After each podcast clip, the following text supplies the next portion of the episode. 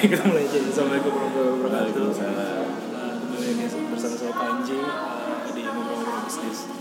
Di sebelah saya sudah ada Kang Ali. Siap. Kang Ali Begar nih kalau dulu terkenalnya. Dulu ya. Nah, nggak tahu nih sekarang rebranding atau Rebranding, ya. gimana Kang? Kalau dulu kan saya kenalnya ya apa bisnis kuliner dan memang kuat ya. Sampai sekarang kan masih alhamdulillah ya masih buka-buka masih di beberapa tempat ya masih. masih. Bebek Garang tuh terkenal banget lah di Bandung dulu awal-awal. Sampai sekarang Alhamdulillah saya masih favorit lah kalau ini go gojek pasti sekarang sambelnya kan eh sambel udah mulai jarang sekarang istri saya belajar Belajar ya. jadi bikin sendiri Ini ya reverse engineering ya. beli, beli, beli.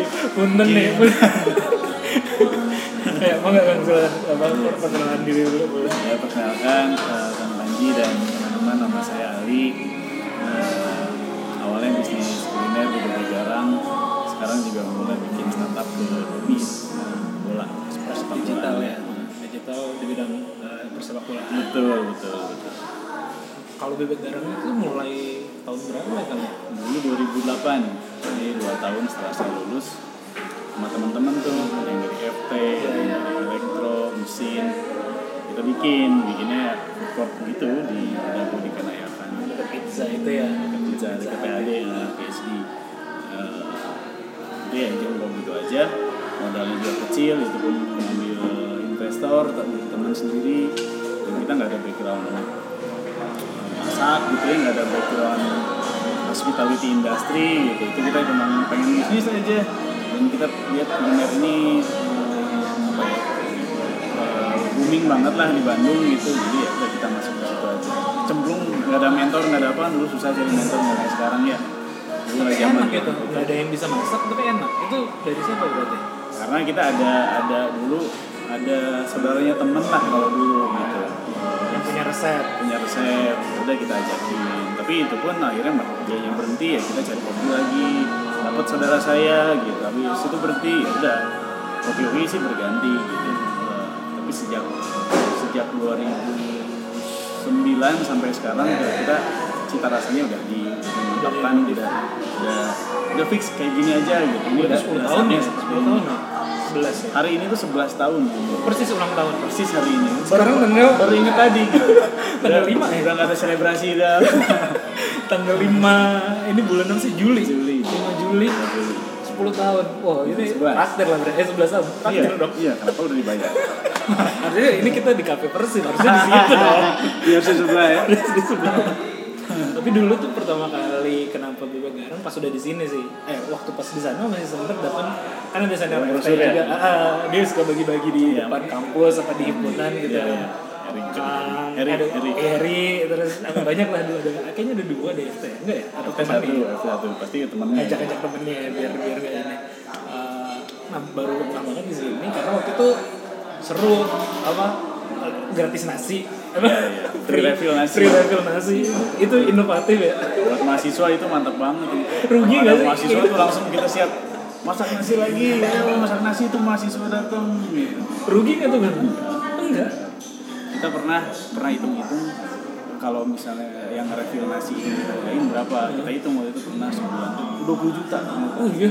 Tapi 20 juta ini nggak jadi rugi juga. Itu jadi kayak biaya promosi untuk generate orang beli yang lain kan. Orang beli bebeknya orang beli ayam kita tahu tempe minuman. Gitu. Eh, bahkan tuh dulu saking ininya ya ini ini mahasiswa banget sih orang gini kan jadi kan misalnya berempat bisa jadi curang kan. Iya, saya berempat. saya saya membeli nah, ah, lengkap, Ah. paket lengkap lah, Ah. bebek sama nasi gitu. Yang lain cuma beli bebek aja. Pas baru diantar langsung refill nasi tiga.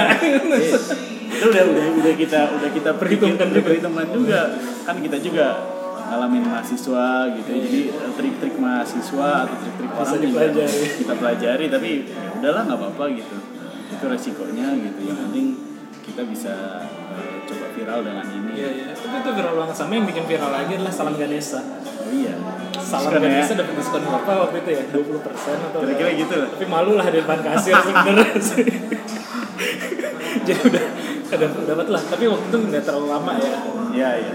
Ya Jadi kita dulu eh, ketika waktu target pasarnya masih ITB, Unpad, Karena kan dekat-dekat sini. dekat gitu. Kita ya udah kalau anak ITB kalau mau dapat diskon kalau nggak bisa. Kalau misalnya anak Unpad mau diskon email Unpad Oh, ada gitu ya? ada. Tapi harus depan kasir. Iya, jadi ya biasanya rame-rame tuh. Jadi tiba-tiba lagi hening tiba-tiba bising tuh. Iya, iya, iya. teman mahasiswa bareng-bareng Teman nyanyi Indonesia, kan Tapi jadi viral lah ya. ya iya karena saya nggak bisa masak eh, teman-teman juga bukan eh, awalnya bidangnya bukan masak ya akhirnya kita create-nya kayak gitu Iya, kayak tapi gini, itu kayak jadi contoh sih kayaknya zaman-zaman se- setelah itu banyak kan yang model-model style-style gitu. Berarti termasuk apa ya? inovator lah di ya awal zaman termasuk nama kan dulu kita ya. Bebek garang segar iya. merangsang kan habis itu ada Oh iya garang segar merangsang ya. banyak apa ya? yang ini yang ini bikin bikin termasuk yang wah aneh-aneh ada Adit tuh anak 2007 bikin stiker anjang apa Oh menggerijang iya iya iya iya. Yang di sini ya dulu sempet ya di eh di Sekarang depan di, Unisba ya, ya dulu ya sempet. di DU kan Ah iya iya. banyak kayak Anjir, ini jadi inovatif. Soalnya segar merangsang tuh konotasinya Iya. tidak ke bebek ya awal gitu banyak yang waduh ini mesum nih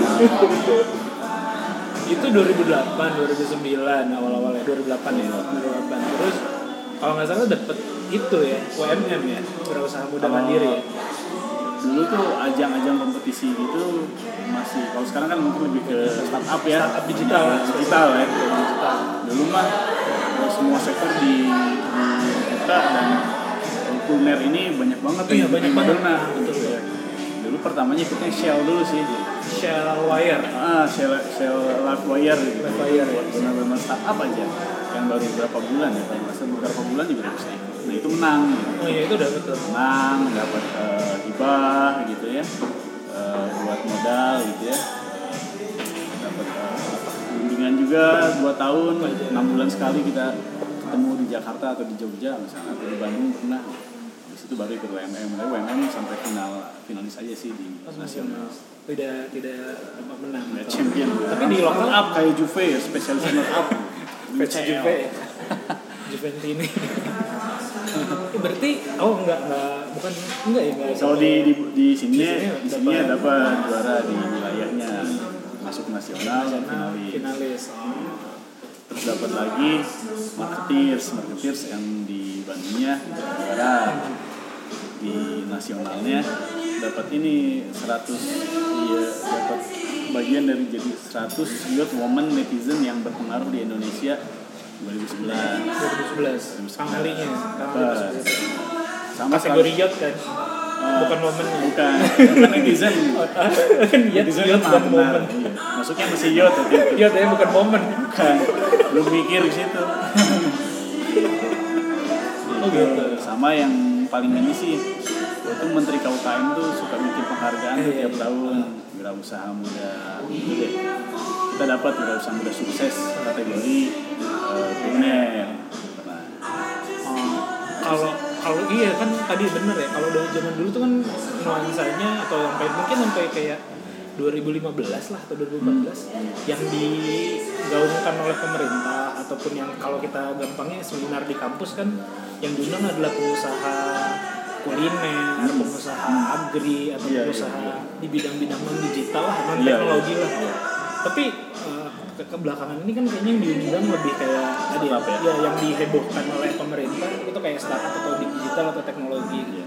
Menurut Kang Ali gimana tuh kenapa? ya kalau pemerintah mah ikutin tren ya tren cuma kalau misalnya kuliner sekarang enggak memang kuliner ini entry barrier-nya tuh kecil sekali gitu Oh, mudah iya. sekali jadi kayaknya hampir siapa pun bisa deh. Nah, misalnya contohnya eh, siapa ya? Siapa? Eh, Gibran. Eh? Eh, si Ifisir itu? Eh si Gibran. Gibran kan? Gibran waktu itu ikut Shell juga. Saya jadi jurinya malah. Dia bikin rumah makan lele gitu Iya iya yang di itu ya di situ sempat ya. kan. jadi semua orang tuh kayaknya dia biologi gitu saya planologi bikin bebek garang Hmm, Bisa aja ya. bisa aja gitu nggak bisa masak ya kita bisa cari Hire, ya. bisa hire manajemennya juga. Tampaknya dari luar itu simple gitu. Profitnya tampaknya marginnya tinggi. Tapi ternyata itu tricky. Entry barrier rendah gitu ya. Eh, nggak punya skill masak bisa cari orang yang bisa gitu. Modalnya juga relatif bisa dimulai dari kecil bisa di rumah sendiri atau membuat doang juga bisa. Cuma ternyata boomingnya kuliner ini ya tricky juga karena kuliner ini ternyata ribet gitu. Bikin APP-nya ribet. Oh ini ada yang harus nggak bisa dipakai lagi bahan bakunya buat besok. Jadi belinya jangan terlalu banyak. Tapi kalau belinya nggak terlalu banyak nanti gimana kalau ada orderan nggak bisa memenuhi? Ininya juga ternyata dalam juga. Jadi Operasionalnya berat ya operasionalnya itu ya? berat. Habis itu ngurus orang kan? Ngurus SDM yang yang nggak bisa satu nggak bisa dua. Kalau kuliner yang yang makan gitu. Yang buat aja harus dua orang kan karena satu orang harus ada libur harus ada istirahat. Jadi cukup ribet. Belum masalah quality controlnya harus stabil terus gitu. sehingga akhirnya banyak yang menyerah dan eh, keluar tikar. Jadi entry barrier rendah tapi ya keluarnya juga gampang. Sehingga ya akhirnya oh ternyata nggak semudah itu juga cuma modalnya bisa akhirnya ya kembali ke jalur normal lagi ternyata kuliner bisnis yang sama-sama aja kayak yang lain gitu ada mudahnya ada susahnya Oke, jadi maksudnya uh, tren itu ya wajar-wajar aja ya. Wajar aja. Nggak nggak mesti ibaratnya kayak uh, apa? Oh kayaknya sosok digital jadinya pengusaha kuliner yang muncul makin lama makin dikit.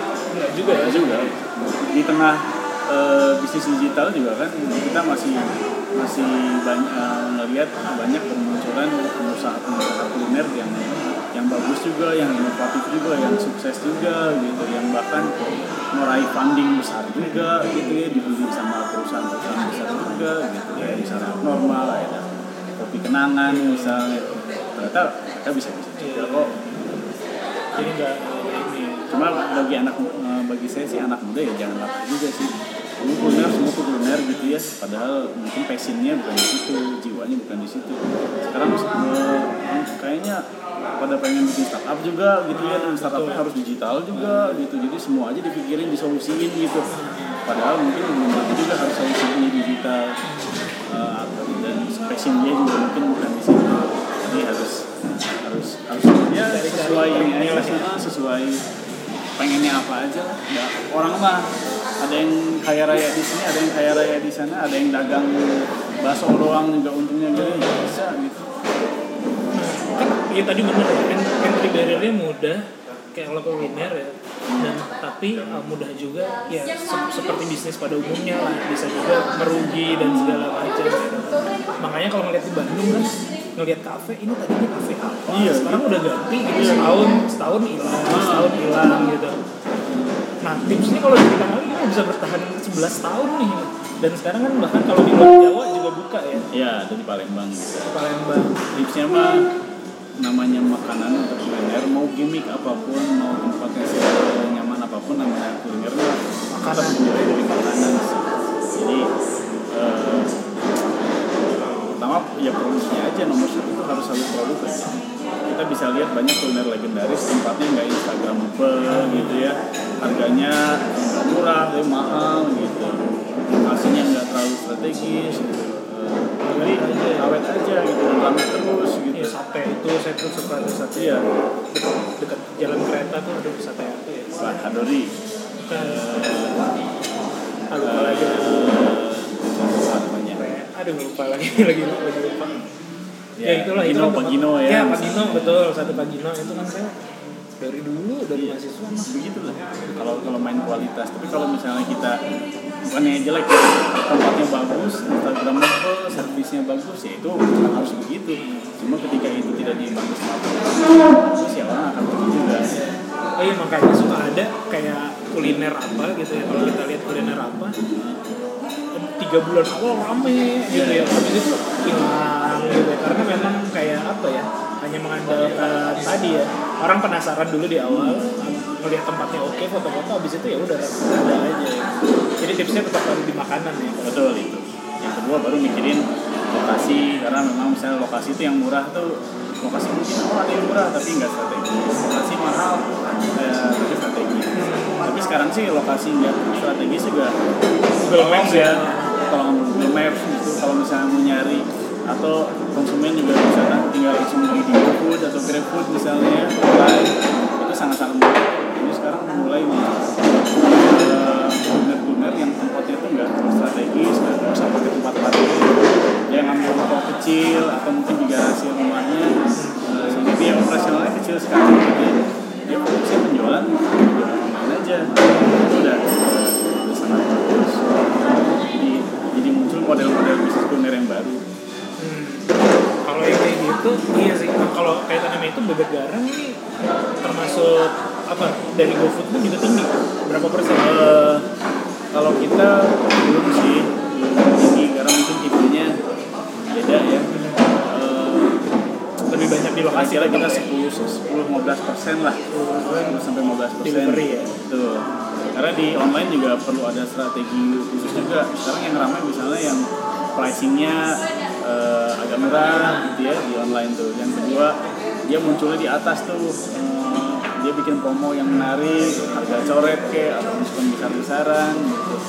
Eh, atau ada kupon apa Oh itu kupon juga dari restonya ya? betul mereka biasanya si si online ini punya platformnya punya promo sekarang tinggal kita mau ambil atau enggak gitu. Jadi kita misalnya bebek garam tuh kayak saya minimal 75 dapat apa gitu dapat free delivery atau apa gitu ya.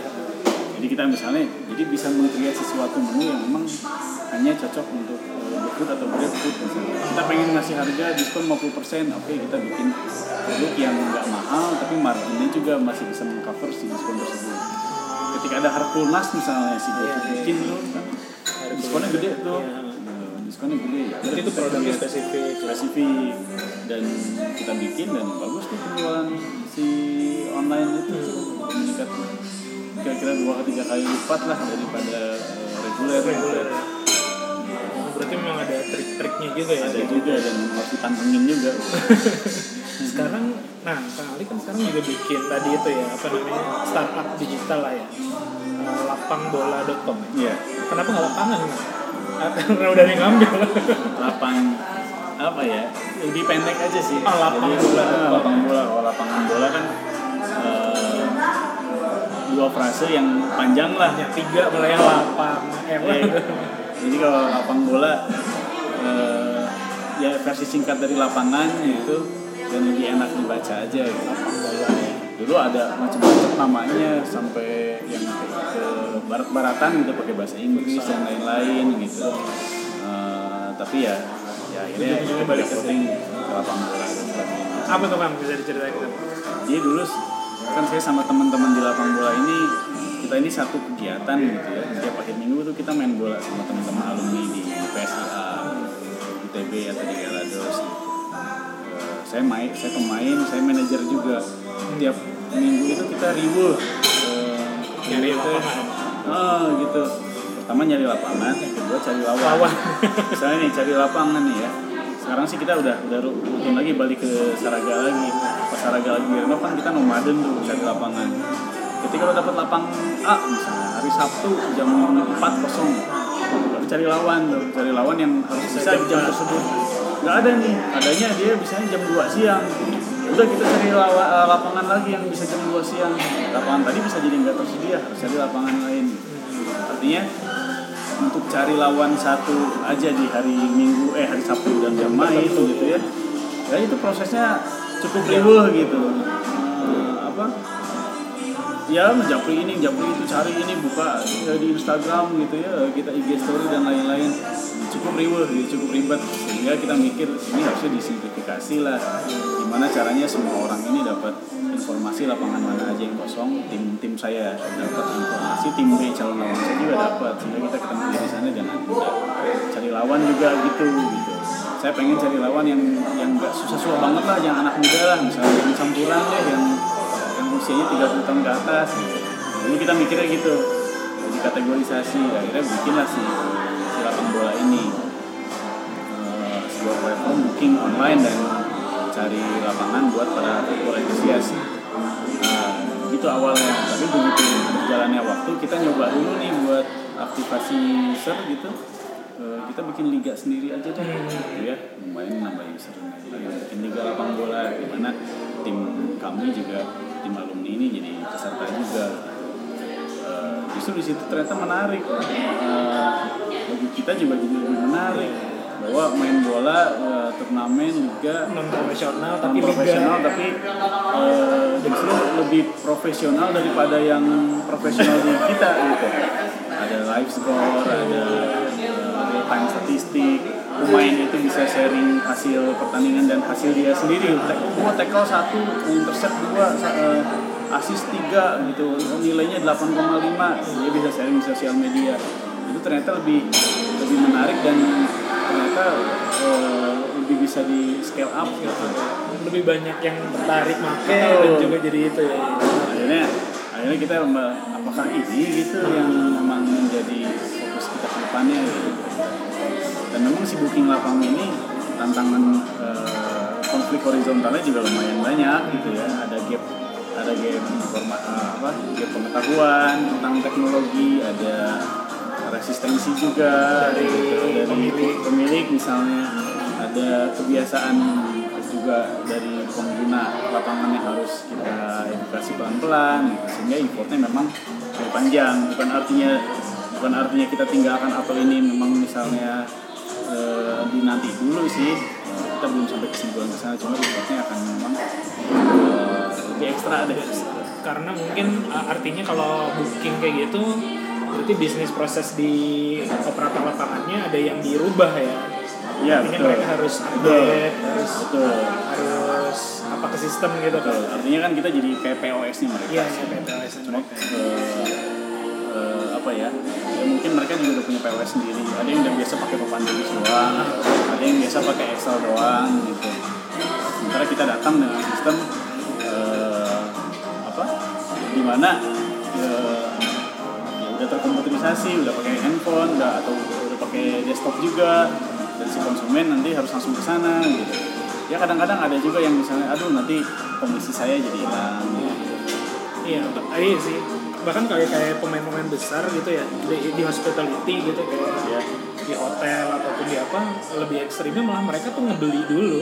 Iya. ngebeli booking ngebooking dulu. Booking dulu baru jualin ya? baru jualin. Kalau Iya, misalnya iya. marketnya udah kuat mungkin bisa begitu. Atau modalnya udah capable untuk itu bisa lagi jadi untuk mempersmooth ini kan Iya, iya, mempermudah uh, proses yang tadinya mereka ribet tapi ketika udah tergantung kan mau nggak mau uh, mau nggak mau mereka pasti akan adopsi sistem gitu. Seenggaknya kita misalnya bisa ya udah semua hari Sabtu Minggu tanggal merah booking tuh setahun tuh. Uh, atau bahkan Boleh. kayak misalnya kayak Traveloka yang kerja sama sama City Trans. Kalau merhatiin kalau misalnya ngebooking City Trans di Traveloka kan cuma tiga seat doang tuh yang diambil. Jadi Oh, kayak gitu? uh, kalau nge- ngebuka misalnya aplikasi Traveloka City Trans City, uh, City Trans tuh cuma ada ti- tiga di Traveloka tiga atau empat seat lah. Jadi itu yang memang dijatah buat itu kan yang dijatah untuk City Traveloka. Jadi makanya gue wah udah penuh. Nggak bisa nih. Tapi saya telepon ke City Trans nih saya masih bisa yang ini oh berarti memang di apa ini bisa jadi strategi Oh, iya, sih. betul, ya. Nah, menarik tuh bisa di testing testing karena memang si lapangan juga ketika kita oh komisi deh oh komisi berarti saya berkurang harus dong. jual berapa gitu. gitu jadi mereka masih ngitungnya kalau gua jual 20 juta gua masuknya 18 juta padahal kalau kita padahal kita presentasinya misalnya omset bapak. Sekarang berapa? 20 juta misalnya. Kalau dalam aplikasi ini bisa 40 loh. Jadi saya ambil 40 juta bapak eh 4 juta. Bapak masih dapat 36 gitu bahkan kayak kemarin siapa cerita ya? Si Kang Gema Gema Harapati. Berapa tik dia bilang Airi kan dia kerja sama Airi Airi Room. Airi dibeli dulu tuh 100 juta per bulan. Seriusan? Terus dibayar di awal bahkan kayak bagi pengelola mah Happy. Ya ya? udah happy karena kan dibayar di awal ya. Ya tapi kan maksudnya dia kapasitasnya sebesar Airi gitu Traveloka backingannya jadinya dibayar 100 juta nanti si Airi bebas mau jual berapa kan ya bagi ya setengah-setengah lah. Maksudnya bagi ini yang enak dapat cash di awal bagi si bagi si operator dia bisa jual dengan harga se yang bisa dia ya. dia. Aku mau murah aku mau tinggi iya gue mau ngasih promo gitu kan. Itu itu menarik kayak gitu sih Iya, iya, iya. oke Oke, lapang bola gitu ya kan ya. Jadi tapi memang ini sesuai passion ya berarti ya. Iya betul. Jadi apa pun kendalanya gitu ya kita akan ulik karena memang ini ya kerjaan tiap weekend kita gitu Nah. sekarang jadi kerjaan tiap weekday dan happy happy aja gitu.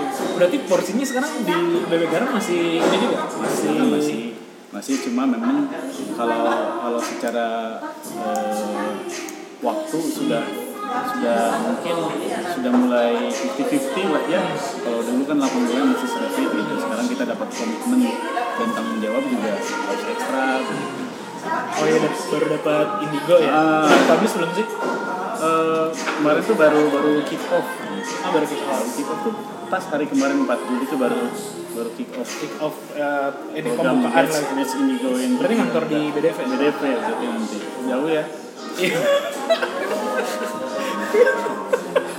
ya kendalanya sih. selatan gua. Kendalanya. Orang-orang juga bilangnya gitu sih. ini gak akan tiap hari tapi pas ke sana tapi ada tim lah ya. Tapi ada tim Ada. ada tim yang standby Ada. syarat. Kalau nyari mentornya Arif kan Iya, kan, Arif iya. ya berarti kalau selain itu ya bisa boleh-boleh juga teman. Kalau mau kuat mah Arif Di Arif kan channeling eh, kantornya Sumarekon. Iya makanya Iya. lebih deket gua ke sana langsung. Kan mending ya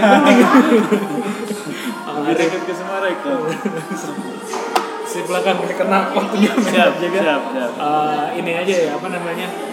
Oh berarti lapang bola sama bebek masih udah oke Iya. berarti termasuk transisi nih tadinya bisnis ibaratnya dalam Bisa jadi tanda begitu. konvensional Bisa sekarang ke jadi- digital. bisa jadi ini eh, jadi jalannya begitu. Ah. yang pertama konvensional ke digital yang kedua mungkin dari kuliner ke bola gitu. Jadi saya nggak tahu nih arahnya ke depan gimana ya. Saya ngikutin jalannya aja lah sukses terus lah kayak ada ada ini ya? oh berarti baru dapat pendanaan lapang bola dan arahnya gitu ya mudah-mudahan sukses apalagi tadi kita di belakang ngomongin masalah statistik itu ya Iya. itu bisa jadi bisnis yang menarik sih kalau enggak karena di luar begitu sih eh, industri olahraga tuh udah Lifestyle ya? udah, udah lifestyle bukan cuma ke personal personal tapi antar klub antar agen dan lain-lain. Udah, jadi bisnis banget lah makanya main bola di sana kan gaji tinggi tinggi karena memang ya uang yang berputar di industri itu banyak banget dan banyak yang terlibat di sana dan mereka bisa menikmati kue-kue itu.